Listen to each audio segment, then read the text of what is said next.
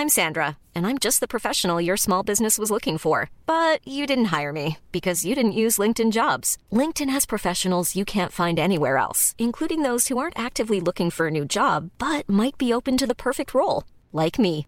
In a given month, over 70% of LinkedIn users don't visit other leading job sites. So if you're not looking on LinkedIn, you'll miss out on great candidates like Sandra. Start hiring professionals like a professional. Post your free job on linkedin.com/people today.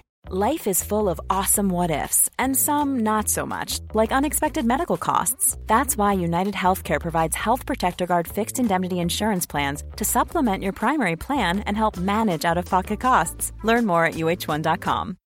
Millions of people have lost weight with personalized plans from Noom, like Evan, who can't stand salads and still lost 50 pounds. Salads, generally, for most people, are the easy button, right? For me, that wasn't an option. I never really was a salad guy. That's just not who I am. But Noom worked for me. Get your personalized plan today at Noom.com. Real Noom user compensated to provide their story. In four weeks, the typical Noom user can expect to lose one to two pounds per week. Individual results may vary.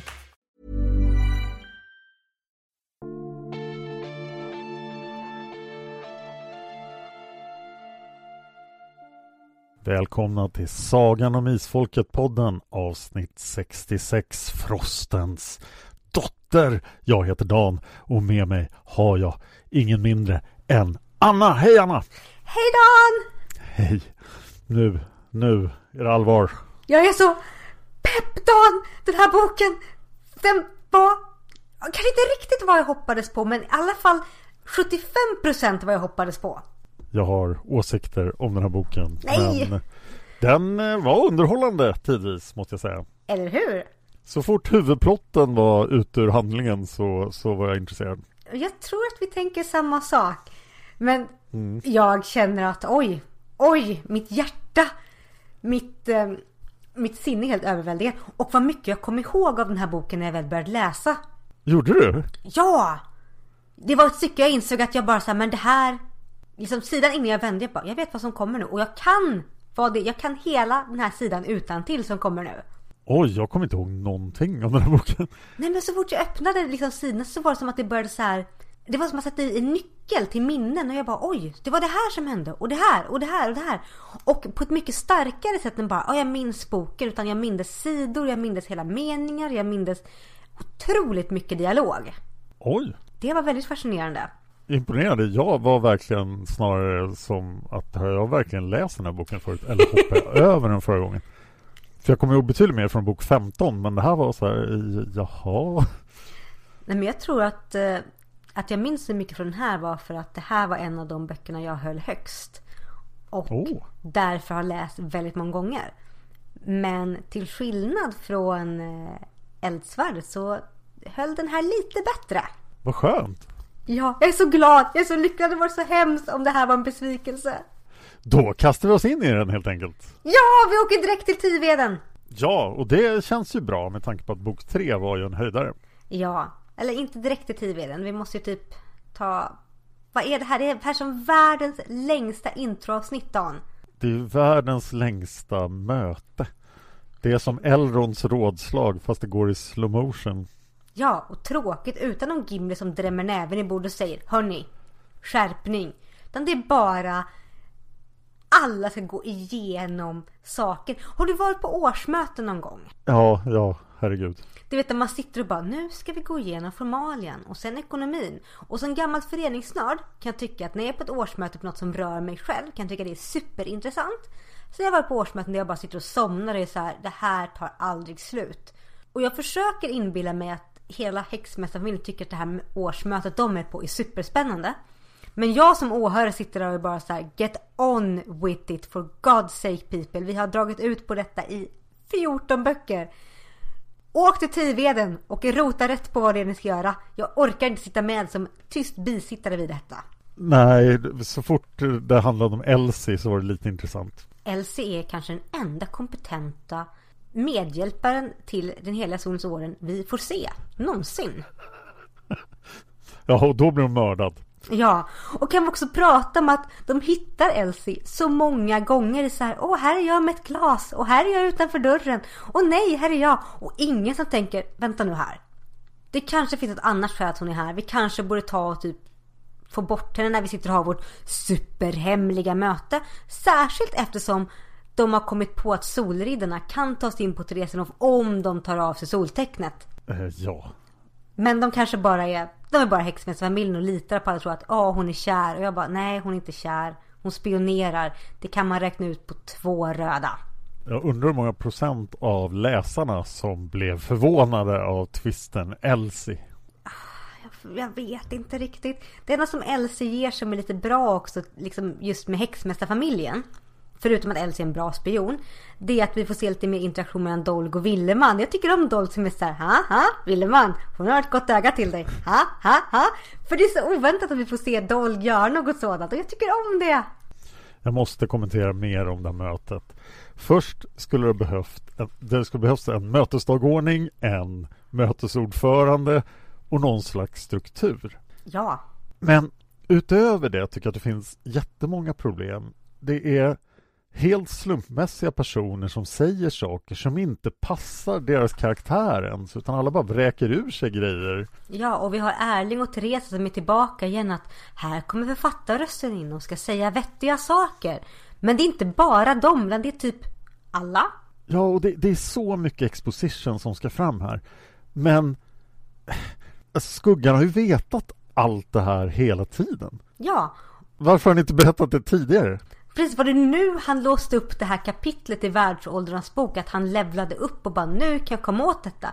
Hur svårt hade det varit för skuggan att sätta sig några tider och meditera och bara Ja just det, det var ju jag som tappade kodbrickan. Det var ju jag som gjorde det här. Måste han ledas vid handen som han vore ett barn hela tiden genom hela sagan?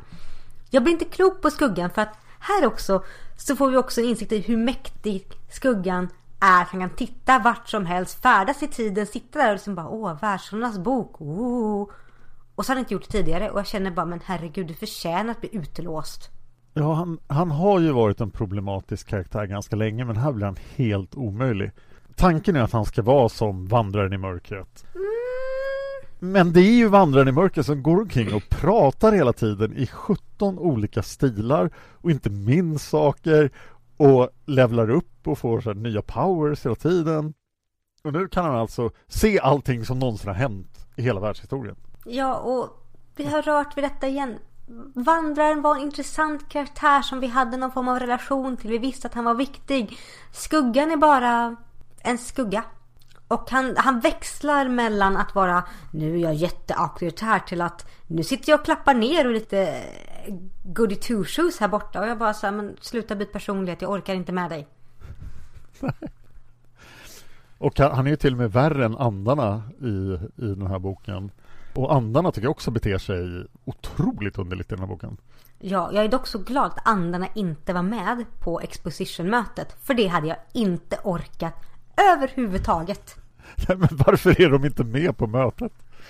Jag tror kanske att Margit kände att det hade varit lite för mycket. Det är väldigt många karaktärer som säger saker som du säger. Det är liksom Dolg som pitchar in, det är Ner som springer fram och tillbaka, Skuggan som har monologer, Mori som faktiskt är jättebra här tycker jag. Jag tycker Mori är den mest konsekventa karaktären genom hela den här boken. Han är superbra. Han är den Mori jag minns. Med också lite stadga som familjefar. Som han försöker vara ändå. Det har du faktiskt rätt i. Han är ju jätte, jättebra. Ja, han är jättebra. Taran håller sig hyfsat på en bra nivå. Uriel är väldigt anonym men kommer med lite inpass. Men summan kan vara med att det är väldigt många som säger saker. Jag tror att Margit kände kanske att här är inte rätt tillfälle för andra att hoppa in och ha någon slags inpass. För de har minst av allt med saker att göra här. För de har ingenting med lemurhistorien. För de är ju faktiskt Moris andar. De har ingenting ja. med den heliga solens orden att göra. Och det här pågår fram till sid 93. Jag vet. Men jag reagerade speciellt på en detalj som jag tänkte vi skulle göra en historisk hörna av ja! Vi har ju alltså den här historien då om eh, främlingarna som kommer och trakasserar stenålderslemurerna. Och här får vi plötsligt lite tidsuppgifter om när det här hände. Mm. Det hände i Gondvanaland. Och det här visste förstås ingenting någonting om på 1700-talet men lemurerna kanske visste om det om de var med på den tiden. Mm, tror det? Så för 200 miljoner år sedan sprack superkontinenten och delades i två delar. Varav den ena var, den södra delen var Gondwana. Så det är 200 miljoner år sedan. Dinosaurier springer omkring överallt. Fast de inte, det finns en massa andra saker också. Men dinosaurier är full fart. För 160 miljoner år sedan så lossnade Afrika från Gondwana. Och det får mig att tro att det här faktiskt hände då mellan 200 miljoner år sedan och 160 miljoner år sedan. Mm. Det kan ha hänt lite senare då för, för 125 miljoner år sedan torskade Gondwana Indien och sen för 80 miljoner år sedan Nya Zeeland och 65 miljoner år sedan alltså T-Rex Primetime så släppte Australien. Mm. Men frågan är om man verkligen kallar det Gondwana då fortfarande. Så vi säger att det här hände för 160 miljoner år sedan. Mm. De är herdar, stenålderslemurerna. Det är inte stenålder, det här är ju miljoner, hundra miljoner år före stenåldern. Vad har de för djur? Dinosaurier. Ja, det måste nästan vara dinosaurier eller några stora amfibier som påminner om dinosaurier. Men ja. det påstås i boken att det är någon slags fördjur till grisarna, men det är ju det är hundra miljoner år fel. Ja, och också det att Margit flyttar ju hela the agriculture revolution jätte, jättelångt bak i tiden när hon säger att just de här hade redan funnits en stund på jorden och de människoliknande stammar som levde då hade lärt att tämja dem och utnyttja dem. Och som du säger, vi är inte ens på stenåldern, vi är beyond stenåldern, fortfarande på jägar och samlarkulturtiden. Vi är så långt bak att det här inte kan ha hänt. Vi är ju på, alltså vi är före Velociraptors och T-Rex. Om vi tänker i människostammar, var är vi då någonstans? Ja, alltså man, man kan säga, hon pratar om människor lite för mycket här, men ibland är de människoliknande, ibland är de människor. Så vi får anta att det är inte människor utan de här vilda stammarna och lemurerna, allting är folk som inte finns längre. Mm. Som råkade finnas då. Men ja, djuren måste vara någonting som passar in i Jurassic Park. Ja, här, de är också väldigt avancerade. För att om man läser lite mer ser man att en brygd lagad av jäst djurmjölk. De har en kraftig bur som är tydligen är väldigt avancerad. Jag tror att Margit tänkt att det här ska placera sig någonstans ja men stenålder-ish, bronsålder. Men ja. det håller inte. Till och med jag Nej. Dan, som inte kan så mycket om historia på den här tiden, vet att det här inte håller. Vi har dessutom skildring av när eh, Indien smäller in i Asien. Mm. Och det är någon form av katastrof. Men det här pågår ju fortfarande och har pågått i ja, 45 miljoner år. Ja, det känns som att det här är någon slags inte alternativ historia, men att Margit vill göra det mycket mer dramatiskt än vad det faktiskt var. Det känns som att hon började läsa en bok om Gondwana, men sen hittade hon Kalevala. Och så blev det mest det. Och Gustaf Fröding, som för övrigt är min favoritkaraktär i den här boken. men det känns väldigt Margit på något sätt att hon bara så här, det här Gondwana låter kul. Och någonting, någonting senare, någonting, någonting. Episka människor som kommer. Någonting, någonting människoliknande. Och sen har vi Finland och Kalevala. Man bara, okej. Okay. Ja, det, det, det, håller ihop inte så mycket. Men det blir en väldigt bra historia om man inte nagelfar den så väl. Nej, man får ha mycket suspension of disbelief. Äh, ja. Jag tycker också det finns väldigt mycket underliga uttryck i den här boken. Fler än vad som har funnits i tidigare böcker. Mm. Har du någonsin hört uttrycket hon var inget bra papper? Nej. Nej, man förstår ju vad hon menar men... Ett dåligt exemplar skulle jag nog ha förstått bättre.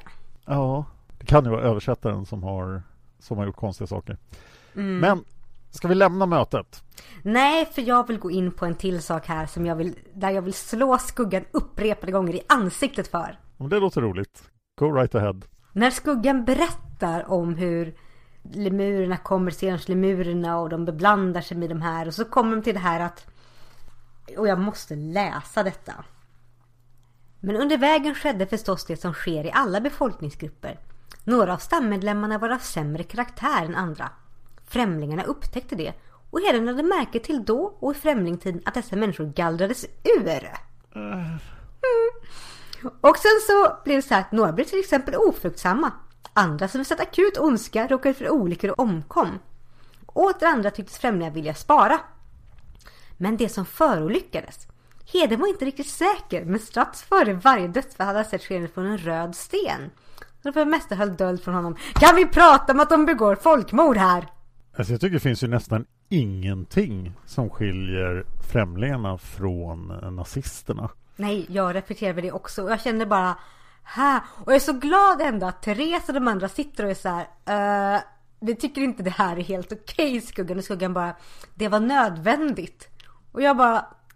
Kom igen häxmästarfamiljen, nu pushar vi från det här. Och de bara. Okej, okay, känns rimligt. För det vi, det vi vet här är ju att främlingarna kommer från andra sidan portarna. Ja. Ja, och de ska skapa sin backup-värld här. Där de tycker mm. att ja, men vi kanske måste dra hit någon gång. Och de här lemurerna, de är typ de minst eh, primitiva i den här världen. Så att vi genomför vårt avelsprogram med dem, vi rensar ut de som inte är bra och sen skapar vi då några som kan förvalta den här världen när vi behöver den. De har, förutom nazisterna, de en liten touch av det brittiska kolonialväldet också. Eh, ja, definitivt. Det som är så här att vi är högre stående än de andra raserna. Skillnaden mellan det brittiska kolonialväldet och främlingarna och även nazisterna är att de inte gör något aktivt försök att erövra de andra folken. De bara, de är sämre. Ja, fast de, de ska ju ha den här världen till sig själva om de behöver den. Ja just det, på lång sikt. Åh nej då! Och de har ju i princip redan erövrat den för de har insett att här finns ingen som kan stå emot oss. Så nu kan vi lämna vår avkomma här så får de sköta det här så vi slipper jobba med det. Det är så otroligt intressant för att när jag läste den här boken första gången så reflekterade jag aldrig över men nu när jag läser den jag bara ursäkta vad sa de här? Vadå avel? Vadå förolyckades? Vadå röd sken sten? De är ju jättehemska. Och de gör dessutom lemurerna hemska. De skapar ju den här överklassen bland lemurerna som blir precis lika hemska som dem. Ja, som bara beblandar sig med varandra och parar sig med varandra. Jag bara ursäkta, vad händer här? Och det här är ju klassiskt kolonialvälde också. Vi privilegierar några i den primitiva kulturen så att de kan styra den åt oss så att vi slipper anstränga oss. Ja, och också de bygger upp den här civilisationen som är strålande och lysande. Också gravt inhistoriskt korrekt med tanke på att vi plötsligt har någon slags högteknologisk stad mitt ute i stenåldersland. mitt, mitt ute i djuraperioden. Undrar vad Tyrannosaurus rex tyckte om detta. Ja, det kan man verkligen undra. För att det är det som det händer. De har en slags högteknologisk understad som mer känns som den hör hemma i i något framtidsscenario mitt i dinosaurieland. Men också det att de gör den här staden med den teknologin. De delar inte med sig av det till någon annan överhuvudtaget. För att de är ju bättre än alla andra. Och därför så är det deras rätt att ha detta. De har ju blivit hjärntvättade av främlingarna. Och jag sympatiserar faktiskt en hel del med Sigge Orm just nu. Jag bara, jag förstår för att du vill ta den heliga solen. Jag hade också tagit den heliga solen. Om det var någon slags hittepå hierarkiskt högadelsnobbar som satt i en stad och bara vi är bättre än alla andra. Vi har förmågan att leva för alltid och hela andra men vi delar inte med till någon annan. Sigge är Che Guevara helt enkelt. ja, det är Rättvisa för Sigge. Det här är ju i och för sig legenden om Lemurien och Atlantis. Att det var det här forna riket som försvann. Mm, och jag tycker det är rätt åt Lemurien att de försvann om de höll på med sån här rasteknologi och allt möjligt. Men vanligtvis är de här legenderna kanske för 10-12 000 år sedan, inte för 160 miljoner år sedan. Nej, lite så. Om vi tittar på den gamla goda underskattade Disneyfilmen Atlantis så placerar de ju det liksom någonstans runt bronsjärnåldern där i, i tidsålder. Det hade varit roligare om de hade kommit för tre miljarder år sedan när det bara fanns bakterier. Så var det så här, de här bakterierna andas inte syre, de här andas syre. Vi vill, vi vill ha syreandande bakterier, så nu parar vi oss med dem och jag, jag tränar upp dem så att de kan skapa det här. Nu blev det väldigt djupt här Dan. Ja, vänta, det här är ju plotten i Prometheus, Alien-filmen. Eh, ja, och vi vet hur Alien går och det gick inte alls bra. Okej. Okay. Så besvikelse på häxmästarfamiljen som faktiskt är såhär, men det här är inte okej. Okay. Skuggan bara, det är nödvändigt. Använder sina skuggankrafter och häxmästarfamiljen bara, okej. Okay. Vi som är en jättehuman, jätteempatisk människofamilj som kämpar för människors lika värde tycker att det här är helt okej. Okay. Och jag är bara så här. Ursäkta, jag är så besviken på er. Och sen går de bara vidare och bara, ja, jaha. Ja. Men inspelat i den här historien om lemuriernas uppgång och fall och det här årsmötet så har vi också historien om Maria. Och den tycker jag är jättebra. Här är ju Margit på sitt bästa igen. Ja, och det här ger mig ett stort hopp inför Sandemo-serien när vi märker det här. Det är inte första gången vi märker det här. När det är en kort historia med mycket känslor, då är ju Margit så bra. Hon är jättebra. Och hon lyckas bygga upp Maria så otroligt bra, de här korta inpassen vi får. Men jag känner ju mer sympati och får mer intryck av henne i hur hon är som person, individ och också hur hon ser ut. Utan att Margit ger någon jättedetaljerad beskrivning av hennes utseende så jag känner henne mycket bättre än vad jag känner Daniel Rafael efter hur många böcker? Eller Skuggan. Ja, Skuggan. Även fast han numera är totalt solid för han har hållit om den heliga solens bok så känner jag bara, nej men. Du, du går runt där i din kåpa och det är någon slags spöke. Och nu har du rastankar också så att bara gå någonstans och göm dig igen. Men historien om Maria och hennes sorger och hur hon blir bemött och så. Det är ett väldigt fint mysterium på ett väldigt jordnära plan som kontrasterar väldigt bra mot den här högtravande Åh, vi ska rädda världen historien. Ja, och man kommer direkt in i den. Och ja. det här när testamentet ska läsas upp och det är ju jättegripande direkt. Ja, och de här små detaljerna som Margit lägger in att där är liksom hushållerskan och där är eh, apotekarens eh, mångåriga kvinnliga bekant. Det är så bra gjort! Jag känner så att ja, det är det här, det här Margit briljerar i. Om och om och om igen. Ja, och i den här boken får det tyvärr för lite utrymme. Och det är för mycket utrymme till möten och ja, det som kommer sen. Ja. Men som sagt, det enda jag får med mig från bra för mötet från Theresenhoff är att det är ändå rätt intressant att de lägger alla pusselbitarna på plats för att vi behöver det nu när vi ger oss in på sluttampen. Och jag tycker att så fort de börjar bege sig ut från Theresenhof och mot Norden så känner jag att nu, nu kommer berättelsen igång på riktigt. Men som du säger, det tar 96 sidor. Vänta nu. Betyder det att det här är häxmästarens Demonernas fjäll? Nej. Det fyller lite samma funktion, eller hur? Ja, det, har, det är det ju. Men vi fick ju, de tackade ju av andarna i förra det är det. Margit har bara spridit ut på två böcker. Som hon gjorde med Demonernas fjäll. Ja, som var mycket bättre. Väldigt sneaky Margit. Ja. Okej, okay, så de, de ger sig av. Det är bra. Mm. Fast det blev lite fel. Ja, för vad hände egentligen? Kartan var fel, Mori har rätt karta. Då måste Mori också följa med. Juhu! Och det väntade vi på. Och Mori väntade på det här också. Ja, det var så här, va? Ska Mori vara kvar? Nej. Jag är lite ledsen här för att jag känner att Tiril får så lite utrymme vid mötet. Hon får så lite möte sen och nu så känns det mest bara som att hon blir någon slags black om foten. Mori vill på äventyr och Tiril bara nej jag vill verkligen inte på äventyr. Jag vill att vi stannar här. Så att det blir någon slags väldigt stereotypisk könsuppdelning att av kvinnan som vill stanna hemma och mannen som vill på äventyr. Och om vi ser tillbaka tusentals år i tiden till bok 1 när Tiril var ung och ville på äventyr så känns det här som att det största karaktärsmord hela serien begås på Tiril. Hands down hela tiden. Och jag tycker det är så tråkigt för jag hade velat se någonstans att i alla fall Tiril och Mård hade ett samtal innan han stack iväg. För nu slänger han sig upp på hästen och bara nej jag sticker nu. För han vet att det kommer bli en diskussion. Och det känns också där, men vad hände med kärleken och respekten ni hade för varandra? Hallå? Ja, det känns ju orättvist mot läsaren också som fick så mycket tid med Tiril i början och tänkte ja, det här, det här är anledningen till att jag läser vidare i den här serien för att jag tycker om den här karaktären. Ja! Och sen finns hon inte kvar. Nej, hon finns inte kvar överhuvudtaget. Jag tycker Teresa och Erling får mer utrymme nu än vad Tiril får. Ja, är det inte helt enkelt lite för mycket karaktärer inblandade i den här boken? Jo, det är det. Och jag, sa, jag tror jag nämnde det tidigare, men den mest anonyma karaktären i den här skaran som rider norrut där vi har Dolg, Villeman, Taran, Uriel. Skuggan, de fyra väktarna och sedan Mori.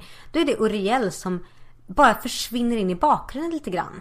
En gång var han en ängel, nu är han bara Tarans hunk. Ja, han får lite grann samma roll som Taran hade i Sagan om glömda riken när Uriel fick en framträdande plats. Mm, Och Taran blev så här, jaha nu är Taran bara Uriels tjej. Men nu blir det motsatsen.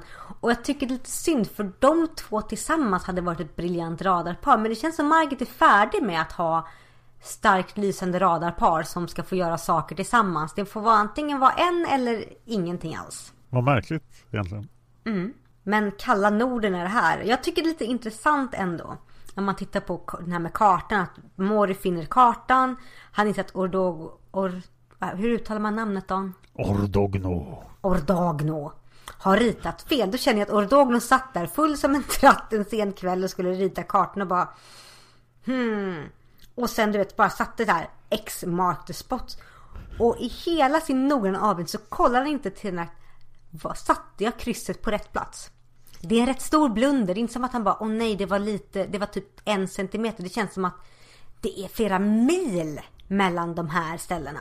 Flera mil mellan Tirstengram och Stygga Myra. Dåligt Ordogno. Jättedåligt. Och jag kan bara tänka på att han satt där full som en tratt och bara inte brydde sig längre. För han bara, äh, det blir säkert bra. Det, ingen, det, det, det blir säkert fint det här. Och jag känner lite grann för grevarna som grävde på fel ställe. Ja, men så blir det när man är läskigast på 900-talet och det enda roliga man har kvar är att dricka ondvin. Lite så. Och jag kan inte låta bli att tänka på att häxmästarfamiljen har ju alla trumf på hand. De har tur. Men om inte Ordogn hade suttit där full som en tratt, som han är i min fantasi just nu, så hade ju grevarna av Tirsingram hittat allting redan på deras tid. Ja, men hade de kunnat göra någonting mer? Det är för tidigt att säga nu, för det vet vi faktiskt inte. Men det känns ju som att orden har alltid varit chanslös. De hade aldrig kunnat komma så här nära. Ja, men det känns som att med grevarna från Tisingram så var orden så långt fram som de kunde komma. För grevarna från Tisingram hade boken, de hade inte koden men de hade väldigt mycket vetande. De gjorde ändå ett aktivt försök att vi går ut och gräver på det som vi tror är rätt ställe. Och efter det att grevan försvann så känns det som att orden bara recenserade bakåt på så här, oh, vi sitter och gnäller i ett hörn och har lite konstiga möten. Ja, Men Tiveden, hurra! Och vi möter Frostens dotter som vi får titel, där får vi bokens titel på sidan 120. ja. och på framsidan antar jag Maria då? Ja, som inte alls ser ut som jag tänker mig henne. Nej, det får duga. Och just det, Elsie dör också för att hitta den heliga solens orden en vettig medhjälpare som faktiskt får ut saker och som uppnår mer än vad de har gjort på 20 år så måste de såklart ha livet av henne. Ja, förstås. Och nu består alltså den heliga Solens orden av en stormästare som inte kan någonting och mest är jobbig. 15 inkompetenta ordensmedlemmar och två snygga killar. Mhm, Ravr. Och ett antal hantlangare som inte heller kan göra någonting. Nej. Och det här är första gången vi ser hela orden ute och faktiskt försöker göra saker. Och det kommer också att de är så här, jaha så de är före men då försöker vi riva och slå ihjäl dem då för då har vi vunnit. Och jag känner bara så här, ja. Jag har ju försökt detta så länge och jag tycker det är lite fint att Margit ändå reflekterar över att ja, så där har ju många andra året tänkt genom, genom historien. Men det, det lägger också lite salt på min eh, tallrik att eh, vi än en gång får bekräftat att ordensidan är helt inkompetenta. Ja, Jag är mest imponerad av att de lyckas ta sig till Tiveden och eh, kommunicera med folk i trakten. Ja, och det är de två snygga riddarna som gör det. Ja, för de verkar ha alla positiva kvaliteter i orden. Ja, så det här är ju en så misslyckad herrklubb, Dan. Ja. Och förhoppningsvis är, den, är det snart slut för dem. Jag hoppas det. Så, men de har tagit sig till Tiveden, Mori hinner upp dem och de möter Frostens dotter i en mardröm. Och sedan så möter ju de Maria. Vem var det de såg i skogen? Ja, det var ju Frostens dotter, eller vem det var. Det var någon mardröm, eller vad det nu än var. De visste inte riktigt helt. Var det den här, kom de inte fram till att det var Tapios dotter? Nej, Pojalas dotter. Ja men hon var ju uppe i norr och kunde inte komma Ja, just det. Nej, det var en skogsjungfru. Ja, Tapios tjänare eller dotter Ja, och jag tycker det är lite fint. Jag tycker om att de ändå att, de, att Margit blandar in den här finska mytologin så fint. För det, det påminner mig om bok 3 som fortfarande är den bästa boken ever. I den här serien. Ja, var det Marias morfar som var med i bok 3? Jag vet inte, men jag tror inte det för att de är inte på samma ställe. Och Finngubben som han kallades hade ju bodde ju på ett specifikt ställe. Så jag tänker att om det var Marias morfar så borde det vara på samma ställe. Ja, just det, då skulle de ha känt igen stället också. Ja, Om de precis. inte flyttade senare. Jag kan inte tänka mig att de flyttade eftersom de hade bott där så länge de gamla och de hade ju så bra hand med skogens andar och de hade Ja. sitt lilla, sina, sitt lilla gudaställe där. Ja, det låter rimligt. Och de nämnde inte heller några barn. Det är sant. Nu kommer vi fram till det viktigaste i hela den här boken. På sid 162 måste jag hänvisa till min podd Sova med Dan Hörning. Okej. Där har jag gjort flera avsnitt om igelkottar. Och man får inte göra som i den här boken. Man får inte ge igelkottarna mjölk.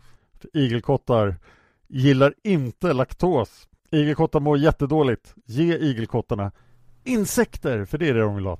Hur är det med laktosfri mjölk? Nej, jag tror inte det blir något bra heller. Chansa inte. Ge dem insekter. Jag vill ju säga att jag hade en igelkott när jag var liten. Som fick mjölk för att Anna visste inte bättre för Anna var fyra år. Den igelkotten älskade grädde och mjölk. Oj, kanske var en muterad igelkott. Jag tror att det här är lite grann som godisgrejen. Ge inte godis till barn. Åh, nej men ja, det ska vara direkt farligt att ge dem mjölk. Åh nej. Nu måste jag lyssna på det där avsnittet om igelkottar. Ja, min källa är alltså Wikipedia om igelkottar. Oj, oj, oj. Underskatta inte Wikipedia. Nej. Jag tycker det är lite fint att vi genom Maria också, jag går tillbaka lite grann. Genom att Maria kommer till sina morföräldrars torp och att hon får gå runt där så får vi liksom redan insikt i att det är någonting som är fel.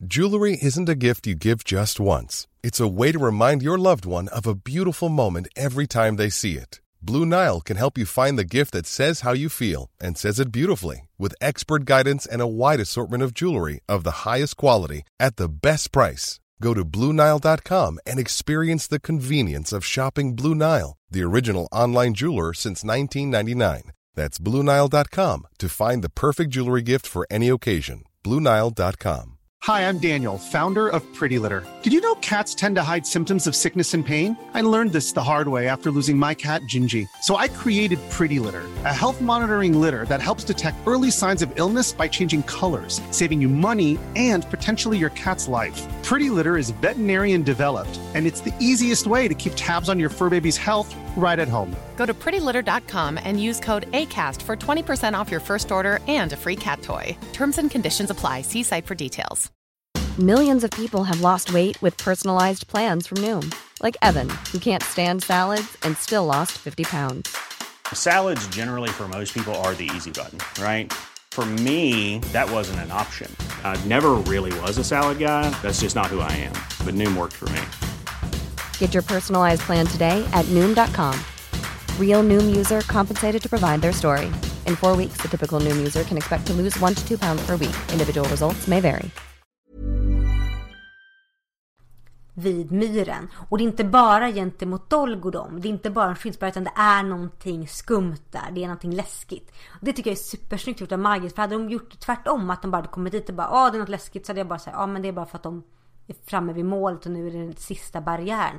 Nu vet vi liksom att det är någonting läskigt som inte bara riktar sig mot dem. Det blir riktigt bra. Och sen blir det ännu bättre då. Nu är vi snart framme vid mitt favoritögonblick. Oj, vad är det för något? Ja du kan kanske gissa. Nej. Det är ju när de åker in till stan. Ja, Nej det är det inte. Men vi måste åka in till stan först för det är Ja, det faktiskt måste vi. Ja. Och här vill jag fråga dig lite grann då. För de åker in till stan. Och Maria får ju så otroligt mycket glåpord och sådant. Och det har vi sett i tidigare tillbakablicken att hon är ju verkligen illa omtyckt. Var det så på den tiden med någon som hade skilt sig? ja det tror jag nog. Men jag får ju en känsla av att hela Marias historia inte är särskilt tidskorrekt. Alltså den, den känns som att det är en historia från 1800-talet. Ja. Och inte en historia som är hundra år tidigare. En sak jag hittade som var direkt fel var ju att hon var beroende av piller. Ja, hur är det med det? Då tänkte jag först, fanns det verkligen piller? Och det gjorde det! Till Oj. och med ja, 1500-talet anser man att det fanns piller och det fanns saker som påminner om piller redan i gamla Egypten. Däremot så var det väldigt ont om beroendeframkallande piller. Utan det kom främst med morfin då och eh, opium på 1800-talet. Så att vad exakt hon var beroende av är väldigt oklart. Ja, för jag fick inte riktigt ihop det heller. Jag var så här, men vad är hon beroende av egentligen? Utan när folk tog saker som de blev beroende av så var det oftast örter eller då, ja, sprit. Och svampar. Ja, jag vet inte om svampar är så beroendeframkallande men Nej, kanske inte det. Nej, jag fick inte riktigt ihop det där. För som du säger, det känns som att en historia skulle vara mycket senare i tiden. Ja, jag tycker allting med apoteken och sånt att det känns som att det är 1870-tal. Typ. Ja, för apotek känns väldigt... Ja, det känns modernt också. Det kanske fanns då. Det har jag inte kollat upp. Nu kollar jag upp det nu! Kolla upp det nu. Första apoteken i Europa under 1200-talet. Oj, okej, apotek har funnits. Först i slutet av 1500-talet i Sverige. Åh, Dan, jag kom på varför jag vänder mig mot detta. Berätta. Det är för att vi inte blivit introducerade för apotek innan. Vi har blivit introducerade att åh, vi har Katrine som är häxa, vi har Mori som är häxmästare, vi har lite doktorer som en apotek. Sån här känns som en väldigt modern ting. Har inte riktigt blivit introducerat. Så plötsligt slängs det från det här lite råa klimatet in till att här finns det apotek och en väldigt prydlig stad och här finns det det här och det här och det här och det här. Mori borde alltså ha shoppat i ett apotek tidigare, i någon tidigare bok. Men jag tror, det känns, jag tror att det är två världar som möter. Häxmästarfamiljen lite så här paranormala, övernaturliga, lite brutala verklighet ibland. Med en väldigt prydligt småstadsliv som vi inte har sett innan. Ja. Och det funkar kanske lite grann. Inte riktigt så bra som jag hade velat skulle göra. Jag tycker själva plotten med att alla ser ner på henne, den funkar ganska bra. Den funkar jättebra. Och sen att Willeman faktiskt lyckas skälla ut dem så pass att de ångrar sig. Det tycker jag är så bra med Willem att han verkligen att han är så Villeman. Han bara gör detta och han bara nej nu vet ni vad det här det här det här. Sen är jag lite mindre förtjust han vräker ut sig en massa saker om att åh jag känner till saker Maria som inte ni känner till och det finns ett skäl till. Jag bara Villeman har lite respekt för hennes privatliv. Men jag uppskattar att han faktiskt sätter ner foten och tar den striden. Jag tycker faktiskt vi får för lite Willeman och Maria i den här boken. Ja. Helt klart. De hade förtjänat mycket mer utrymme. Och framförallt sedan när vi kommer tillbaka. För att såklart kan ju inte Mori och Dolg och de andra hålla sig från att gå tillbaka till myren. Där de inte kommer någon vart. Utan de måste ju klaska runt och bara känna efter lite grann. Och då blir de nedfrusna i is. Det är ett väldigt dramatiskt ögonblick. Ja, väldigt om det inte hade varit för att det var i bok 14 av Häxmästaren. För nu tänker man, jaha, men då blir han ju räddad av andarna. Men andarna är någon annanstans. Var är de? Fast vänta nu, Mori borde kunna tillkalla andarna men de kan ju inte få ut honom ur isen. Kan de inte? De kan ju allt. Jag har inte tänkt på detta Dan. Oj, nu, nu föll mitt glasslott här. Och andarna, alltså det var ju bara början av serien som man var tvungen att kalla på andarna för de har ju järnkoll senare i serien. Ja, för nu kan tydligen Mori skicka andarna lite grann vart han vill. Och sen kan alla tankeöverföring helt plötsligt. Ja. De är fastfrusta. Har, vi, har de kunnat tankeöverföra till varandra tidigare? Mori och Dolg tror jag kunnat det. Okej. Okay. Det har en vag, vagt minne av detta. Ja, kan man inte tankeöverföra till andarna då kanske? Eller? Mori har ju direktkontakt med sina andar så han har ju kunnat kalla på dem bara genom att så här, jag vill att ni kommer. För vi har helt flera tillfällen hört att läromästaren så här, hörde, han hörde läromästarens röst i sitt huvud så att det vet vi ju. Men jag tänker mig kanske att andarna kanske är på jaktslottet och spelar schack. Det måste vara det de gör för att eh, de är inte här i alla fall när de behövs. Nej, men det bäddar ju upp för mitt favoritögonblick i hela boken. Det är att vi äntligen får en kvinnlig häxmästare och Marietta, a.k.a. Maria, får mana, namnmagi. Det är så episkt. Och det var när jag vände till det som insåg att jag kan den här. Oj, jag minns det här. Och jag minns hur känslan jag kände, hur jag kände hur nackhåren reste sig. Jag kände bara, åh, det här är så coolt. Och det är det här jag önskar vi fått se mer i boken. Jag hade gärna sett att Mori hade vräkt ut sådana här ramsor också lite då och då i början. För det här är supercoolt Dan! Ja, det är fantastiskt coolt. Och det, jag är villig att bortse från det faktumet att häxmästarfamiljen återigen inte lyckas lösa någonting själva utan någon annan som löser åt dem. Men det är så fantastiskt bra. Ja, och det är så fint för det är så oväntat. Ja, verkligen. Man har ju fått lite antydan om att hon säger ja, jag var ganska duktig på sånt där finnmagi. Mm. Men just att hon stiger fram och gör det på ett sånt här otroligt fint sätt. För att den enda kvinnliga häxmästaren eller kvinnliga häxan vi haft innan är ju Katrine. Och det var ju mest det var ju pulver, hon var ju pulverhäxa. Här får vi en kvinna som har kraften, som är duktig på det och som är duktig på det med besked. Ja, hon är fantastiskt bra. Men vem är det egentligen hon bråkar med här? Det är ju Frosten. Och Frosten är alltså någon slags Kalevala-gudom som, som är här av någon anledning och jobbar för någon annan, får vi reda på. Mm. Men kan alltså skrämmas bort då av folk som kan hans namn. Ja, precis. För namnmagi så försvar, försvagar du någon genom att rabbla upp saker från deras liv. Det har vi sett att Marco gjorde i slutet på Isfolket. Just och det. det funkar ju väldigt bra. Och det kan jag tänka mig att det är därför som Frosten bara Åh, om hon fortsätter så kommer jag att dö. Och det vill jag inte och det är därför som Frosten bara Nu bråkar vi inte med varandra under, under våra livstider för du är så pass farlig.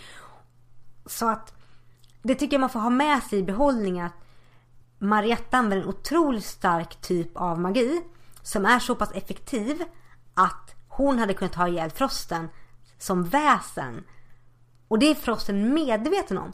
Hon gör någonting som häxmästarfamiljen säger. Ja, vi kanske kan ha ihjäl någon eller knuffa någon och Måre slänger lite grejer och Sigilian dog inte men Marietta får Frosten på så så pass mycket på knä att han bara vi sluter fred för livet. Jag ger mig och beger mig bort för jag tänker inte ens, inte ens med Hisi som är den onda kraften som domderar mig så tänker jag ta den här striden för det är mitt liv som är på spel här. Vad hade hänt om hon hade dödat Frosten? Jag tänker att Frosten som fenomen hade nog funnits kvar. Det hade blivit Frost. Men Frosten som ond kraft och ande hade nog hade ju definitivt försvunnit. Lite grann som luften och vattnets andar. Tänk att Ja. om luftens ande, bara för att luftens ande är och hänger med Mori så innebär det inte att det slutar finnas luft. Jag funderade någonting i stilen att det hade lett till global uppvärmning och det kanske är det som har hänt nu. Fast Marietta dödade ju inte Frosten. Nej, men de kanske har dödat Frosten på 70-talet eller något. Oj då. Det var kanske inte så bra. Frosten arbetar alltså för Hisi. Ja. Och jag blev lite överraskad här för att eh, jag var så här, men vad är det som ligger här? Är det en sån här ont väsen framåt av häxmästaren Tisingram igen som bara åh nej, det är, det är ondskan själv. Åh nej, vad jobbigt. Som bara bestämt för att här ska jag ruva. Ja, varför det? Jag tänker mig att Isis kände att det finns något värdefullt här. Jag tänker mig att det är lite grann som en drake som bara, här finns det en skatt, den är inte min men jag tänker ruva här. Och då blir den min. Ja, kanske för att få offer då, för det verkar ju det som är målet. Mm. Jag tror Hisi kan känna på sig att hit kommer det komma folk. Och Hisi har jättemycket tålamod. Ja. Och just det här som Marietta säger att Hisi kan vara skogsrået, kan vara allt. Men just nu är Hisi jorden och skogen. Så är frågan att är Hisi jorden och skogen tills han får offer? Eller kan han liksom... För det måste ju vara så där. För annars hade ju Hisi kunnat bara, nej men nu bestämmer jag att jag är typ en ond ande som äter upp er allihopa. Och hur länge har han varit där? Länge tror jag eftersom Riddarna fick ju lite points från den här skogshuggen att där har det varit ondskefullt länge. Så det här måste ju varit något århundrade eller två minst. Ja, han lär inte ha varit där sedan eh, lemurerna var där. Nej, så förmodligtvis, jag skulle kanske höfta en hundra år minst. Jag funderar på om Hisi är där på grund av att någon vill att han ska vara där. Ja, det får vi inget svar på alls. Nej, det kanske vi får veta i nästa bok. Ja, För att det, det verkar ju ganska slumpmässigt att Hisi är där. Ja jätteslumpmässigt. Och då är frågan, varför var inte Hisi till exempel i Tirstengram och Trolltiven? Där så många gick ner sig och försvann och där chansen att få offer hade varit mycket större. Var det kanske så att Hisi bestämt sig för att här ska jag ruva? Och sen kunde inte han flytta på sig så han får bara ruva klart tills han får offer. Ah, så det nu sätter ner mina pålar här tills jag får ett offer. Ja, vilket inte funkar för att han gör ju alla så rädda så de bara springer därifrån. Ja, ja det, det håller inte ihop riktigt men kanske får en förklaring i nästa bok. Jag hoppas det. Men överlag så gillar jag verkligen hur det byggs upp med det här Hisi-grejen. Det är ett element som Margit tar in som känns lite otippat och väldigt mycket som du säger. Margit har läst Kalevala och vill verkligen inte så mycket finsk mytologi som möjligt. Men också att det känns som att det här behövs. Häxmästarfamiljen har så mycket på sin sida de behöver någonting som faktiskt är en utmaning för dem med. Ja, Hisi är ju definitivt det läskigaste vi har sett i hela serien. Ja, herregud. Jag kände när jag läste dem, jag bara ursäkta, ondskan själv. Nej, jag tänker inte vara med på detta längre. Jag har svårt att läsa den här boken när det är mörkt. För jag tycker att det är så obehaglig stämning. Och när vi får reda på att det är Hises känner jag bara, nej det här är inte kul längre. Och det leder ju till ett antiklimax när Margit bygger upp den här fantastiska slutscenen som hade fungerat så bra om det inte hade varit hela solens order. Ja, för nu är det bara så här. Jaha. Det här är ungefär som att vara klämd mellan Sauron å ena sidan och en blöt trasa på andra sidan. Vis är jätteläskig och hela solens orden är inte alls läskig. Vi vet ju redan att de har besegrat hela solens orden så många gånger. De har ingenting nytt med sig. Det finns ingenting som talar för hela solens orden. Det är bara kört för dem. Ja, men det som Margit har lyckats med genom att lägga in his i ekvationen det är att hon har faktiskt bakbundit häxmästarfamiljen. För de heliga stenarna fungerar inte överhuvudtaget. Nej, för Hisi kan bara stänga av dem. Så här, de där tycker inte om. Haha. Vilket gör att de har det att bråka med. De har visserligen hela bataljonen av andar men de saknar sina två mest offensiva, eller ja, sitt ena offensiva vapen och sin helande sten. Vilket blir ett problem. Jag får ju säga att oavsett att det är en blöt trasa så tycker jag att just när Margit, den här sista meningen när liksom hon bygger upp det, så känner jag ändå så här, det är lite episkt ändå. Hade varit mer episkt om den hela solens orden var någonting att räkna med, men det är rätt episkt ändå. Ja, hade man bara läst den här boken då hade det varit jätteläskigt på slutet. Ja, jätte, jätteläskigt. Men nu blir det lite antiklimax. Ja, lite grann. Men... Men His är ju fortfarande jätteläskig. Ja, och Marietta fick tillbaka sina barn. Så vi har liksom en glad, fin känsla i bröstet där innan allting känns som att nu är det kaos och ångest igen. Den historien kändes ju som att den var allvritten. Det gick så fruktansvärt fort.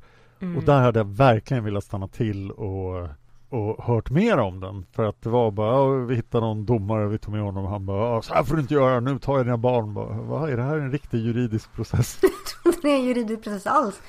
Och det kontrasterar mot den här långsamma uppbyggnaden av vad vi fick reda på av Marietta innan.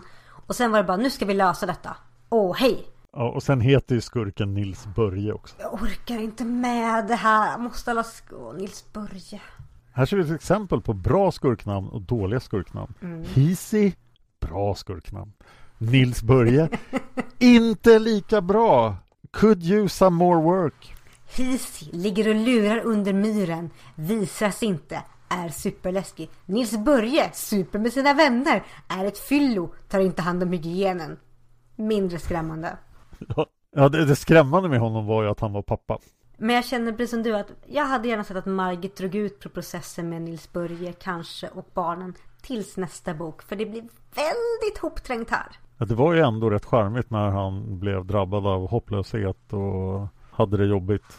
Men det är också, nu kan ju Mori skicka ut sina andra bara ja, gå dit, hopplösheten lite grann ur den där snubben. Och andra bara okej. Okay. Jaha, så ni gör saker på egen initiativ? Det kunde ni inte göra när Tiril var fången. Mhm. Mm jag måste reflektera över en sak som Mori säger på sid 227. Okej. Okay. Efter allt som har hänt i alla böckerna så säger Mori här vid slutet ändå, det här måste ju vara det viktigaste de har gjort på länge. Vi har anlitat andarna för ofta. Så nu tänker inte jag göra det. Uh, ursäkta?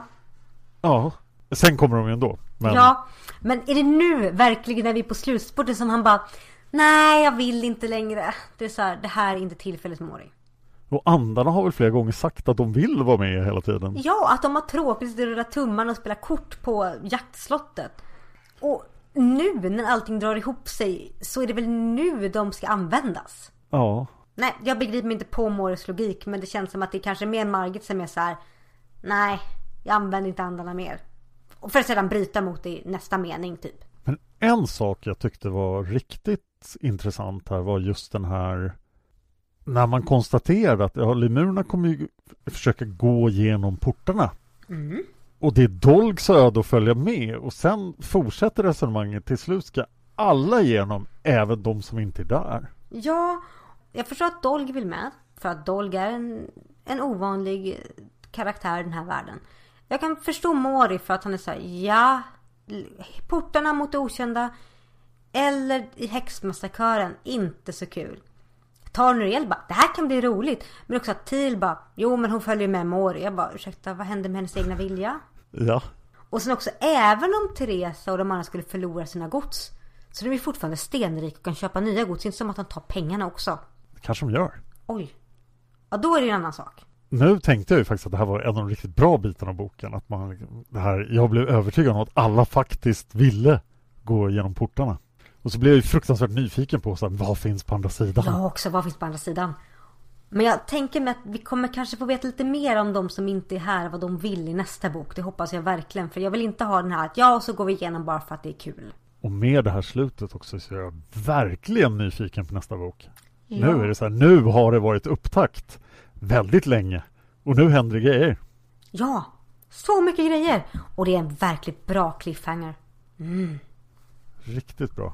Och då tur att Skuggan inte berättade allt han visste i bok tre eller när han nu kunde ha gjort det. Ja, jag är glad att han levlar upp långsamt. Vilket han ju borde ha gjort då egentligen. Äh, ja.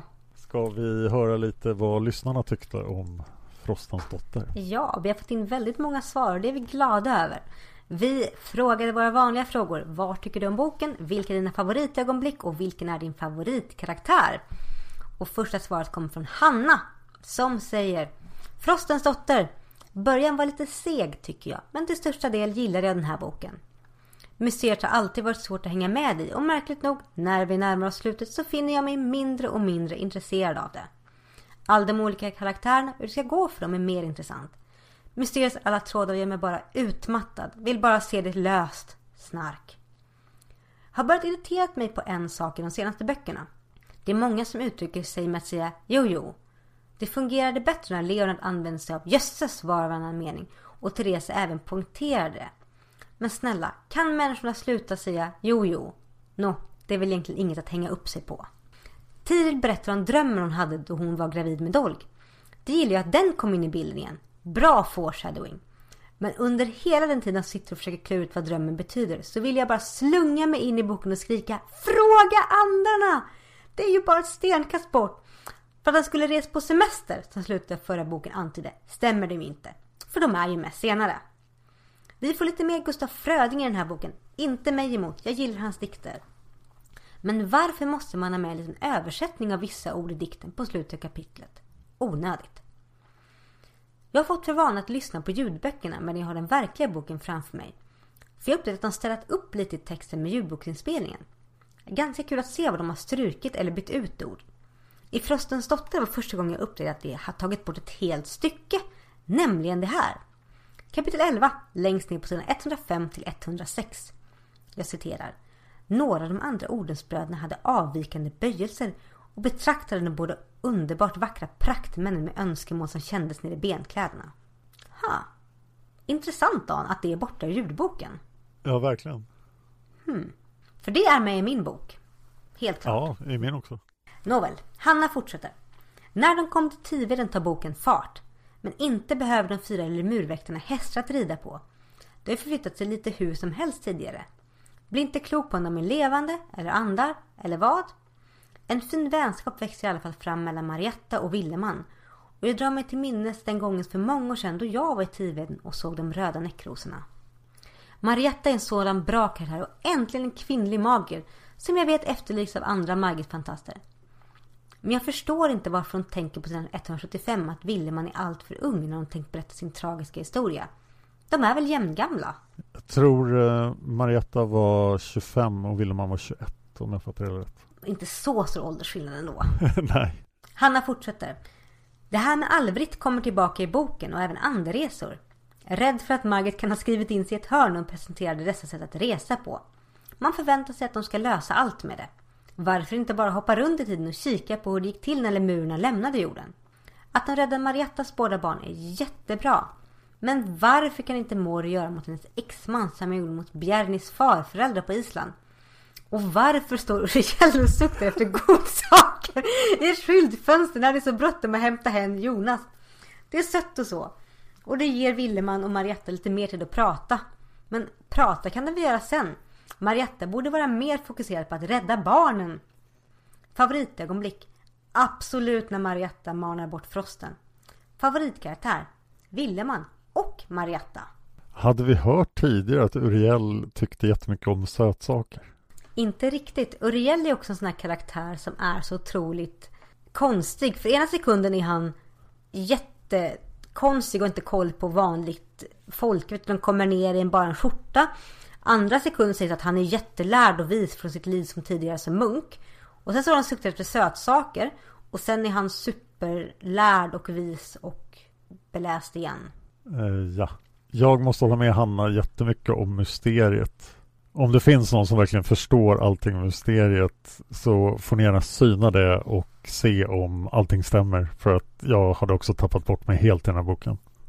Ja, herregud ja. Det var så här, jag, jag tror att de kommer lösa här ändå, så varför ska jag engagera mig i mysteriet? För att vi vet ju att i nästa bok kommer det inte vara så här, ah, vi, nej, vi missade en grej. Och så blir en fråga till läsaren så här, har ni märkt vad de missade? Slut. Man bara, va? Men jag håller med Hanna om att foreshadowingen i det form av att Tirils dröm är superbra planterat av Margit. Och det känns faktiskt som att där har Margit tänkt till.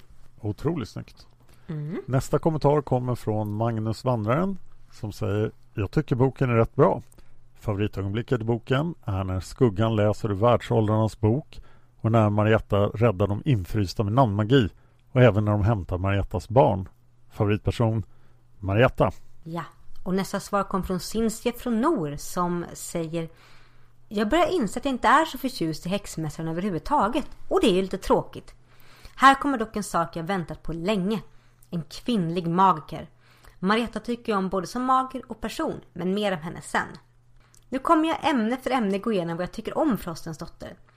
Känns att det kan vara värt att förvärva att jag genuint inte tror att Margit Villas sak ska låta som de framstår för mig att hon var en underbar människa.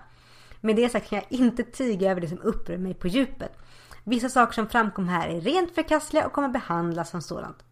Nästan allt positivt kan tryckas ihop här. Jag är en av de som aldrig haft allt förstått att följa pusslet eller mysteriet, således intresserade mig. Det är de få bra sakerna överhuvudtaget. Gillar när stenarna slocknar. Margit är också riktigt bra på att skriva naturbeskrivningar i vanlig ordning. Jag hatar att säga det, men jag bryr mig verkligen inte om någon i huvudgruppen längre, även om jag gillade tidigare böcker. För många räkmackor och för lite personlig utveckling. Den enda jag fortfarande ömmar för är Tiril som verkligen fått lida och har men av sina fruktansvärda upplevelser. Tarn och Villeman är för fåniga även om Villeman får växa lite grann i den här boken. Dolg är trist. Mori, Erling, Teresa, Daniel och Rafael tråkar ut mig. Även om jag fortfarande gillar Rafael på princip, förvirrad romantikerpoet som han är. Angående riddarna. Är Elsie den mest kompetenta person de haft på sin sida som faktiskt får tag i massor med info? Och så dödar de henne. Kan man göra den klassiska lampskärmtest i ny tappning på dem? Gör dina mer skada än en lampa hade gjort?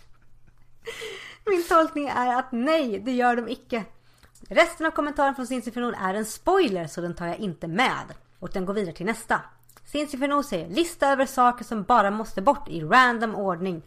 Världsåldrarnas bok och smygtiteln i världshistorien. Nej! Andar! Försvinn! Usch! Fy! Bort med er! Miljoner år, lemurer, madrager. Stör mig fortfarande inte på det men har lärt mig acceptera dem. Skicka väl en språkbricka tack. För övrigt att Mori ska rätta Marietta på finsk tro. Hur dryg kan man vara? Kvinnorollen är också något jag fortfarande stör mig på även om det är lite bättre denna gång. Känner verkligen för Marietta och hennes problem. Arma kvinna. Att hon verkligen trodde hon kunde lösa sina problem som hon försökte är fånigt men det är tragiskt naiv. Men bilden av flörtiga kvinnor som billiga och vulgära känns outdated. Saker som verkligen måste bort. Rassnacket. Ah! Renrasigt och inavel och det värsta citatet i boken går något hitåt de allra högsta. Det renrasiga som endast gifter sig med varandra och således behåller sin enastående intelligens. Jag saknar ord. Förlåt Margit men alltså det är faktiskt riktigt illa och klingar rent nazistiskt. Jag tror inte att det är det hon vill men jag vet inte hur annars det kan låta. Jag tänker inte be om ursäkt för att jag tar avstånd från allt sådant. Favoritögonblick i boken då? Sinsifer säger Marietta, säg där! Allt i mig skriker ja! Äntligen är min efterlängtade kvinnliga maker här och Mori, Dolly och kompani fastnar i isen. Det är så skönt att se när Kati, trollmupparna fastnar och misslyckas på grund av sin egen dumhet. Marietta är underbar här. Läste till med en hejlung i öronen och det var mycket effektivt. Också uttrycket grötbonde. Så roligt. Favoritkaraktär? Marietta och Nero. Hennes reaktion till de trauman hon blivit utsatt för känns fullt naturliga. Att folk är så pass glada i att victimblama är också dessvärre hemskt naturligt. Delen om flickan som på sina mödrars upprörande frågar om har tant några barn är så grymt. Smärtan när barnen säger att de inte känner igen henne kan jag bara föreställa. På allt vad hon på allt hon också ha vad som kanske är någon form av cancer. Det är verkligen synd om henne och hon försöker kämpa vidare är tappert. Men att Willeman kräver att hon ska berätta allt på en gång är för jävligt. Att han ska peka ut hennes tidigare tablettberoende och tvinga ut bekännelse med snällhet är så elakt. Ge den stackars människan lite tid. Det är svårt att prata om sina trauman. Och jäklar vad han white knightar henne på torget. Har de bett om att han ska vädra hennes privata affär och skyddsmekanism? Nej. Berättade för sin syster och svåger? Nej! Helvetes jävlar ville man be om lov först. Två av tio alrunor från Sinchev från Nord. Och förlåt Sinchev, jag fick kapa rätt rejält dina svar på grund av spoilers. Men det är alltid lika roligt att läsa dina analyser.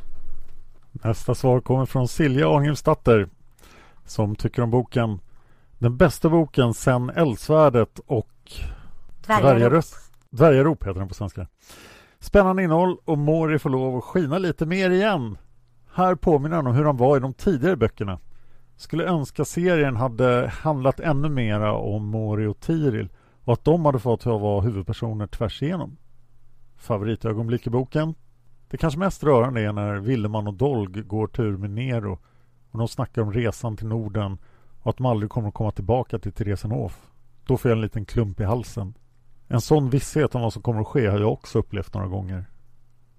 Älskar också de delarna där Mori och Marietta får bruka sina övernaturliga krafter. Sejdning, maning och isländska gallrar. Ja tack! Det är också väldigt rörande när de hämtar Mariettas barn. Ett par humoristiska ögonblick med Uriel. När han fönstershoppar i en godisbutik och när han hugger i och bär in ved och Nero bär ut den igen. Favoritkaraktär? Vilman, Marietta, Mori, Uriel och Nero. Övrigt är väldigt enig med Cynthia från Nor i kommentaren om rasrenhet och inavel. Oj, det där ordet förstår jag inte. Ulvhetsskapande? Uvelhetsskapande.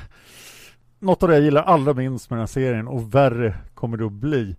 Men som Cynthia tror jag inte heller att Margit har haft tanken att det ska bli så.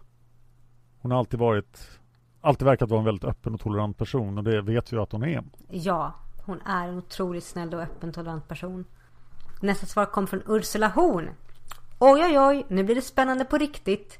Jag blev alldeles lycklig när jag hörde Marias berättelse börja. Ni vet den här pirrande känslan av att här, här har vi en sån här riktig sanddemokrat som kommer gripa tag och stanna i ens huvud efteråt. Och vilket upplägg! Död far. Hela staden hatar henne. Den obligatoriska snörpiga kärnan i form av husföreståndarinnan. Och så hennes missbruk ovanpå det. Det var ett nytt och spännande grepp. Och jag är... Det var ett nytt och spännande grepp. Och jag är positivt överraskad över hur sympatiskt det var skildrat. Liksom varken överdrivet blödigt eller sensationslystet. Sen dyker vi tillbaka till det tråkigaste i boken. Huvudintrigen. Ja, jag medger redan att jag har fel prioriteringar. Jag har bara svårt att sitta och lyssna på gamla gryningar, magiskt gnällande och ännu mer svårt att lyssna på när Taran imiterar detta när jag bara vill veta mer, mer, mer om Maria. Men det märks att det drar ihop sig mot finalen nu.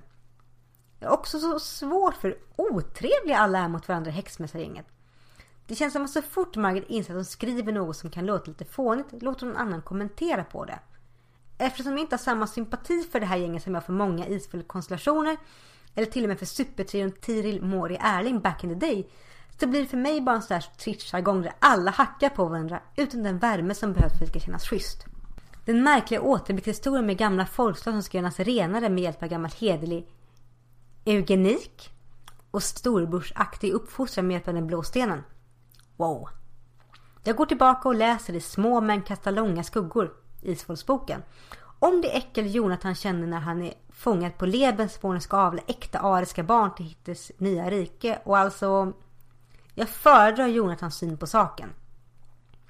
Och jag kan inte ta namnet lemurer på allvar. I jämförelse med resten är det ju en småsak men alltså lemurer, bara sluta. Där måste jag flika in att jag flera gånger har tänkt på lemurerna från Madagaskar. Alltså filmen. När de dansar också. Ja. Jag ser dem framför mig nu. Fyra lemurer går bakom. Då, då ser de ut så i mitt huvud. Åh oh, nej Dan, nu förstör du det här. Åh nej. Ahem.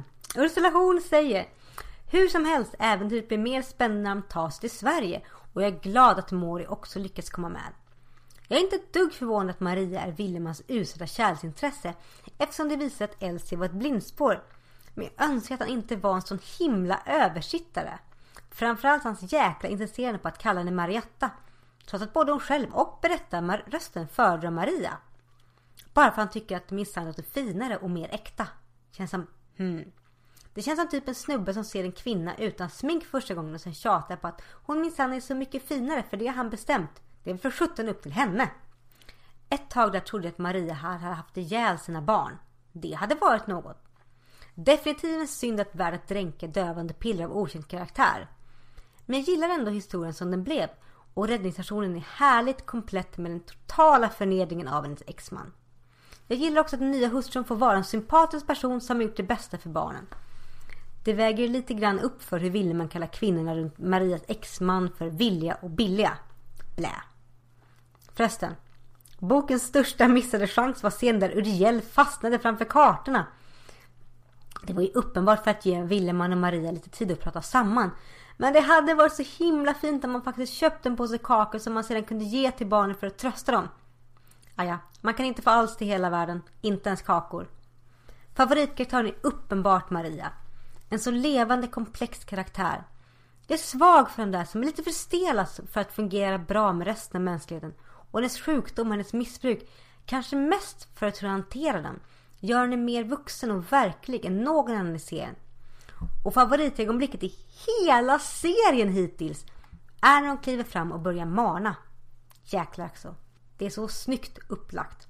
De små trådarna av yeah, hennes morföräldrar var finnar därför så folk ner på dem som blir till det betyder att Maria kan komma med några smulor viktig information. Sen blir det att hon plötsligt kliver in i så oväntat men så självklar roll som supermäktig supersägare och blir Frostens dotter på något sätt.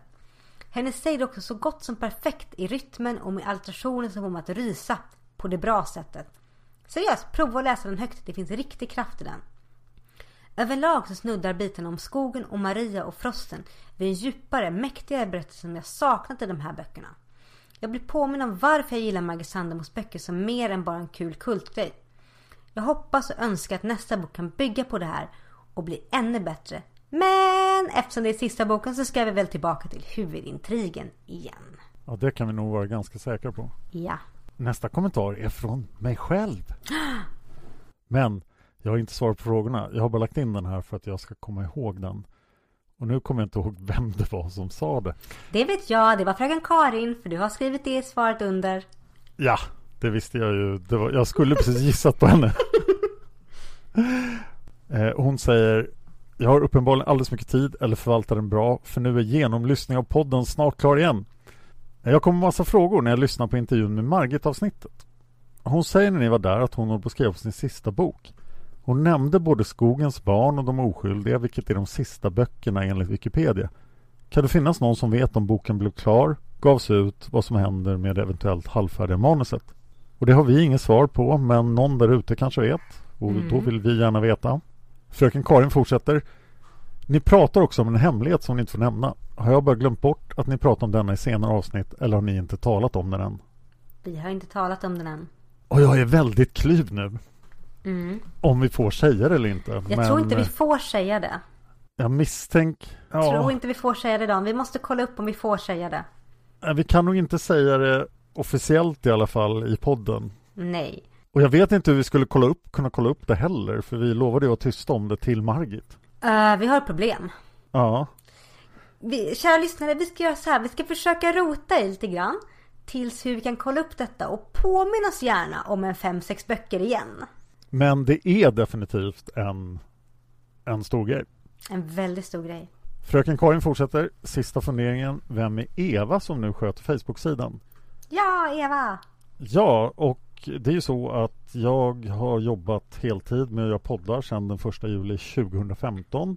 Och eh, jag gör ju 14 poddar så att eh, det har blivit ganska mycket jobb. Några av dem går väldigt bra. Eh, speciellt Seriemördarpodden och för att kunna prioritera att faktiskt podda och inte drunkna i ett hav av administration och bokföring och sånt annat tråkigt. Så har jag tagit in en assistent. Hon heter Eva Martinsson och det är hon som svarar på Isfolket-sidan ibland men även på alla andra poddsidor. Jag har även tagit in en manusförfattare men det berör inte Isfolket-podden. Så nu har jag två eh, som jobbar för mig och eh, kanske tolv frilansar också. Så att det, nu börjar det bli en stor verksamhet det här med poddarna. Ja, där var fröken Karins inlägg slut. Eller jag kommer till inlägg av fröken Karin. Ja! Ja, hon vill ju förstås kommentera Frostens dotter också. Ska jag ta det med? Det tar du med. Så, fröken Karin igen.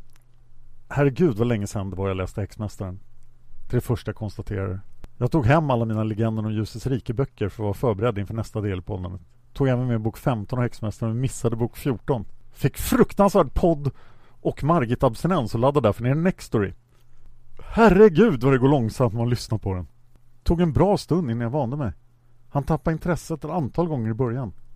Om det beror på boken eller ovanan att lyssna på boken låter jag vara osagt. Men, men. När det slutat lulla runt på Theresenhof och jag börjar komma ihåg karaktärerna mer igen så flyter det på bättre. Sagan om Isfolket har jag läst så många fler gånger så inför lyssnandet av de poddavsnitten så har jag inte behövt läsa igång mig. Det hade jag behövt tidigare på Häxmästaren. Nog för att jag kommer ihåg historiens stora drag men minnesbilden var betydligt suddigare än vad jag hade trott. Ändå dröjde det till bok 14 innan jag fick tummen ur. Nåväl. Ja, men vad tycker jag om boken? Boken är väl eh, helt okej. Okay. Dock minns jag inte varför jag var så frälst på Häxmästaren. Den har tappat spänningen. Den håller på för länge. Och jag hinner liksom glömma vad de strider för överhuvudtaget. Att det var så länge sedan jag läste den så blir det ändå många överraskningar och ja, just det moment. Inser dock att jag blandat ihop madrager, väktare, ja vad heter den sista konstiga gruppen folk. Bokens bästa ögonblick. Jag gillar scenen när alla blivit fastfrusna och Marietta räddar dagen. Om det nu är det eller ett senare ögonblick som solkar av Mori säger till Taran att Tror du inte att män klarar sig utan kvinnor? Se så, skutt iväg nu, typ, när hon ska gå och hämta stenarna, låter jag vara osagt. Bokens bästa karaktär måste vara Marietta eller Nero. Andra reflektioner. Alla män var mycket mer sunkiga än jag både minns och vill minnas dem. Moris kommentar, Villemans White Knightande när de är inne i staden med mer tråkigt. Fel och missar. I början av boken så nämns isfolkets andar. Ungdomarna funderar på hur de kan vara där och konstaterar sen, ja just det, nu i Norden, de kan inte vara utanför. Eh, ursäkta? Nu är mina geografikunskaper ofta skamligt bristfälliga men nog 17 har isfolket andar varit utanför Norden i isfolket-böckerna. Hade lovat mig själv att läsa en bok i taget så jag skulle komma ihåg vad som hörde till vilken bok men den kunde jag såklart inte hålla mig till. Så lite spännande var det nog allt. Men för att inte riskera att spoila så får resten av funderingarna bli till bok 15. Jag har saknat er! Kom och prata med mig mer igen! Så himla pepp på ljusets rike! Pew, pew, pew, pew. Åh, fröken Karin, vi ska försöka prata med dig mer. Och vårt sista svar kommer från Vanja Lind som är nyföding här på forumet. Välkommen hit! Välkommen! Och Vanja säger Hej! Jag har ingen aning om ni fortfarande vill ha svar om den här boken men jag älskar podden och vill gärna bidra till diskussionen så här mot slutet av Häxmästaren. Är enormt förtjust i serien och har läst den massor av gånger senast för ett par år sedan. Och nu var det dags igen när jag läste Frostens dotter i morse. Den var lika bra som jag minns den. Och Vanja Lind, du är alltid välkommen och vi är jätteglada att du hittat hit och hänger med oss här på slutspurten och även in i ljusets rike. Då så, Vanja säger, vad tycker du om boken? Vi gillar den väldigt mycket. Mariettas berättelse är gripande och intressant. Man är nyfiken på vem hon är och vad hon varit med om. Och eftersom jag är oerhört svag för hela den stora intrigen Häxmästaren med mystiska stenar och väktare och magiska böcker och allt. Bara njuter jag av scenerna i början av boken där familjen är på Theresinoff och går igenom de nya fynden de hittat. Det må finnas gott om logiska luckor. Men alltihop är verkligen otroligt spännande även när man läst det många gånger tidigare. Sen hade jag önskat att vissa saker hade lösts på ett snyggare sätt. Oftast går det alldeles för enkelt när ett problem dyker upp. Skuggan som bara kan ta en titt i världarnas bok och få detaljerad information om allt är ett exempel. Jag hade så gärna sett att en information hade framkommit på ett bättre sätt. Att det fanns gränser för vad han kan göra. Jag förstår verkligen att Margaret har tagit till sina lösningar ibland. Med tanke på hur stor och komplicerad berättelsen är. Men vissa saker köper jag bara inte. En annan liknande grej jag störde mig på var att det gick alldeles för lätt att få tillbaka Mariettas barn. Och att hon själv var dödssjuk. Det blev inte ens ett problem eftersom de magiska stenarna löser allt. Scenerna med barnen var över på några sidor och det kändes alldeles verkligt. Barnen fick inga personligheter, deras far och styvmor brydde sig knappt om att de försvann och barnen accepterade Marietta som sin mamma nästan på en gång. I min värld skulle en sådan upplevelse vara extremt traumatisk för så små barn. Och att styvmodern Ines bara skulle lämna över flickan som varit mamma åt i flera år, hur troligt är det? Här hade jag önskat att den delen av boken fått ta betydligt mer tid eller att den strukits. Tycker också att det var lite osmakligt att väktarna sa till Vilma att Marietta skulle glömma sina barn om hon gick igenom portarna. Som att alla dåliga eller negativa känslor bara av ondo och inte behövs. Det låter lite som hjärntvätt tycker jag. Med det sagt gillar jag boken väldigt mycket och är så spänd på att läsa fortsättningen. Favoritögonblick då? Vanja Lind säger scenerna i skogen i slutet när Marietta manar och efteråt när den kommer fram till vad det är för kraft som döljer sig i skogen. Mycket spännande, särskilt eftersom jag läst Kalevala sedan jag läste Häxmästaren senast. Och favoritkaraktär då? Ja, säger Vanja Lind, det får bli Marietta. En intressant person jag tycker om att följa och det var fint att hon och Willeman hittade varandra. Annars är jag, som alltid Häxmästaren, svag för Mori. Tack så mycket för alla kommentarer. Ja, det är så otroligt kul att vi har fortfarande har nya människor som hittar till oss, som hittar till forumet och som lyssnar på podden efter så många år, Dan. Ja, det är otroligt roligt och eh, det är inte lätt att komma in nu. Jag tänker bara man måste läsa ganska många böcker. Men då finns det andra sidan ganska många som har läst de böckerna. Ja, och vi är så glada. Så om det är så att ni lyssnar och känner att åh, ni vill slänga kommentarer på sista boken i serien eller på Ljusets rike. Gå in på forumet och släng er in. Det är aldrig för sent. Frågetråden för nästa bok är redan uppe. Woho!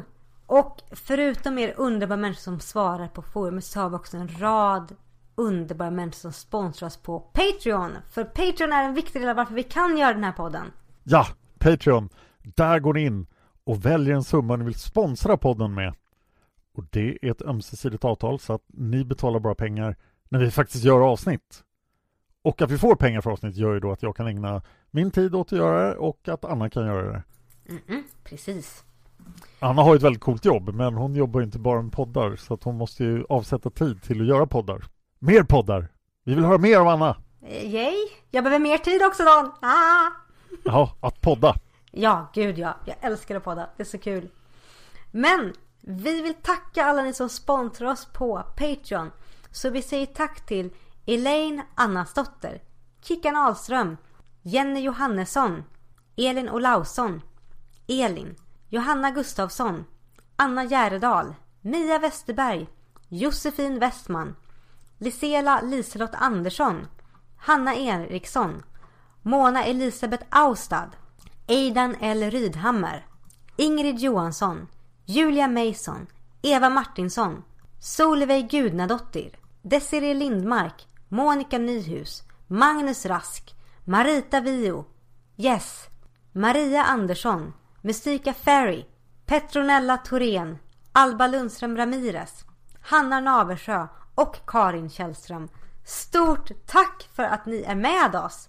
Och när vi nu går in på slutspurten så är vi ju över 100 dollar per poddavsnitt. Och det betyder ljusets rike. Men innan vi kommer dit så måste vi belöna er som har sponsrat allra mest. Ja, när man sponsrar på Patreon så kan man välja vissa nivåer och vi har några som har valt nivån som är 15 dollar per avsnitt. Hur många är det? Ja, det ska vi se. Man får välja en bok ur Sandömoserien som vi poddar om efter Häxmästaren. Och vi har tre personer som har den nivån och som har legat där länge nu.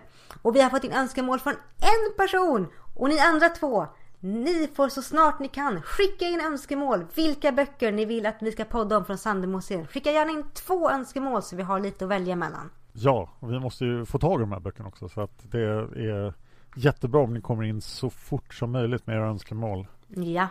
Så det kommer bli tre avsnitt mellan Häxmästaren och Ljusets rike men sen så blir det pew pew pew pew Pew pew pew pew Åh, Ljusets rike! Åh, det kommer bli så bra!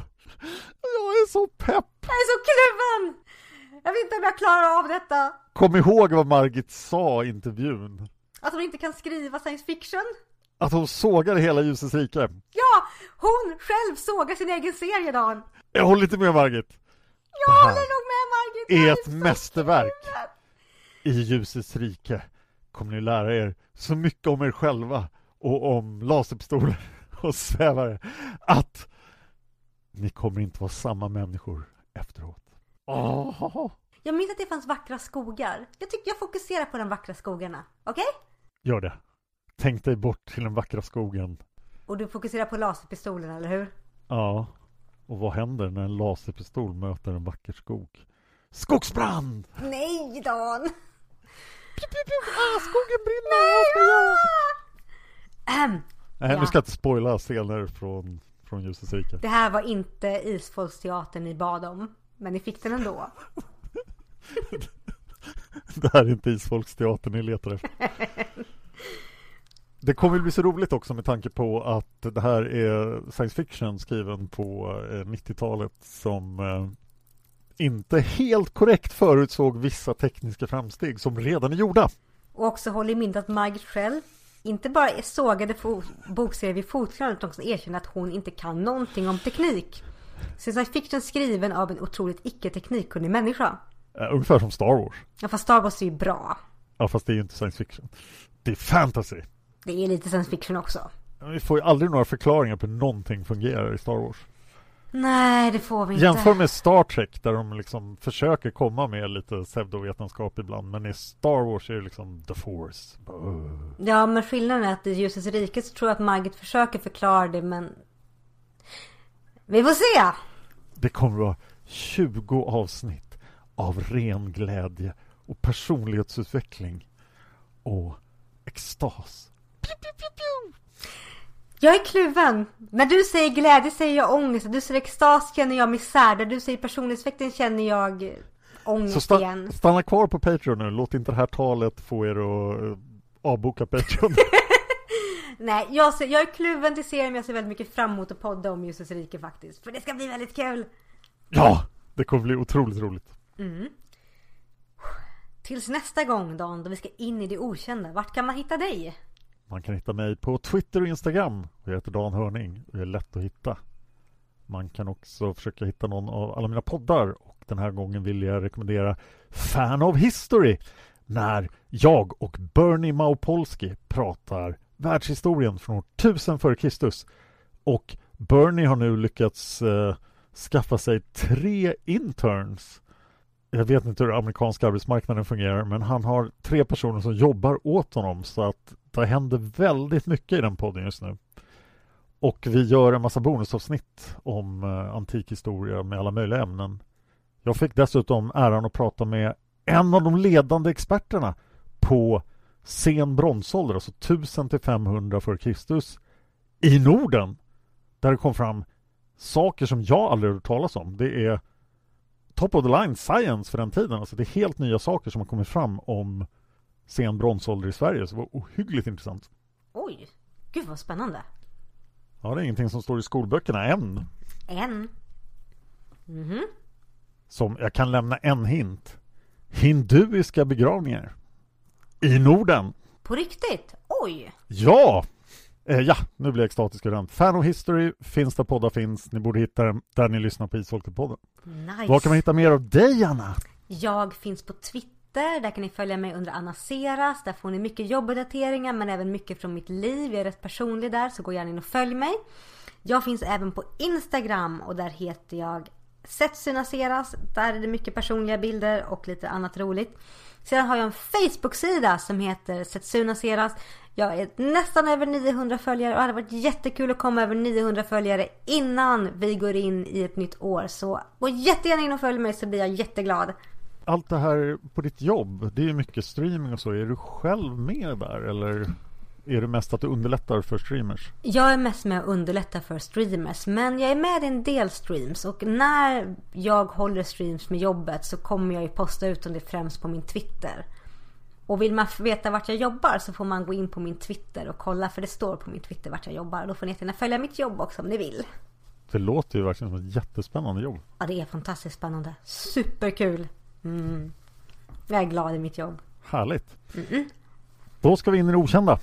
Ja, vi ska in i det okända. Har du packat allting nu? Har du huvudvärkstabletter, plånbok, pass, mobil, laddare? Vi vet inte vad som finns bakom portarna.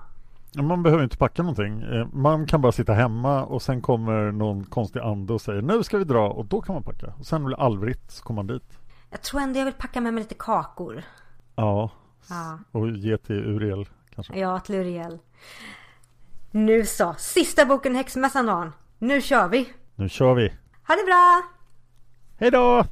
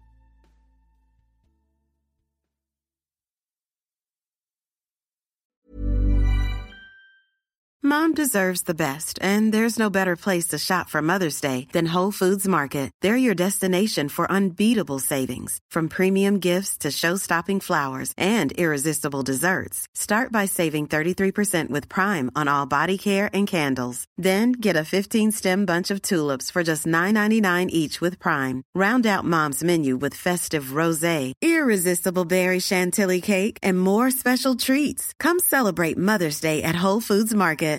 Hi, I'm Daniel, founder of Pretty Litter. Did you know cats tend to hide symptoms of sickness and pain? I learned this the hard way after losing my cat, Gingy. So I created Pretty Litter, a health monitoring litter that helps detect early signs of illness by changing colors, saving you money and potentially your cat's life. Pretty Litter is veterinarian developed, and it's the easiest way to keep tabs on your fur baby's health right at home. Go to prettylitter.com and use code ACAST for 20% off your first order and a free cat toy. Terms and conditions apply. See site for details. Planning for your next trip?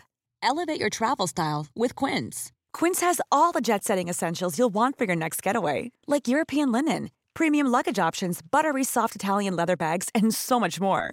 And is all priced at 50 to 80% less than similar brands. Plus, Quince only works with factories that use safe and ethical manufacturing practices. Pack your bags with high-quality essentials you'll be wearing for vacations to come with Quince. Go to quince.com slash pack for free shipping and 365-day returns.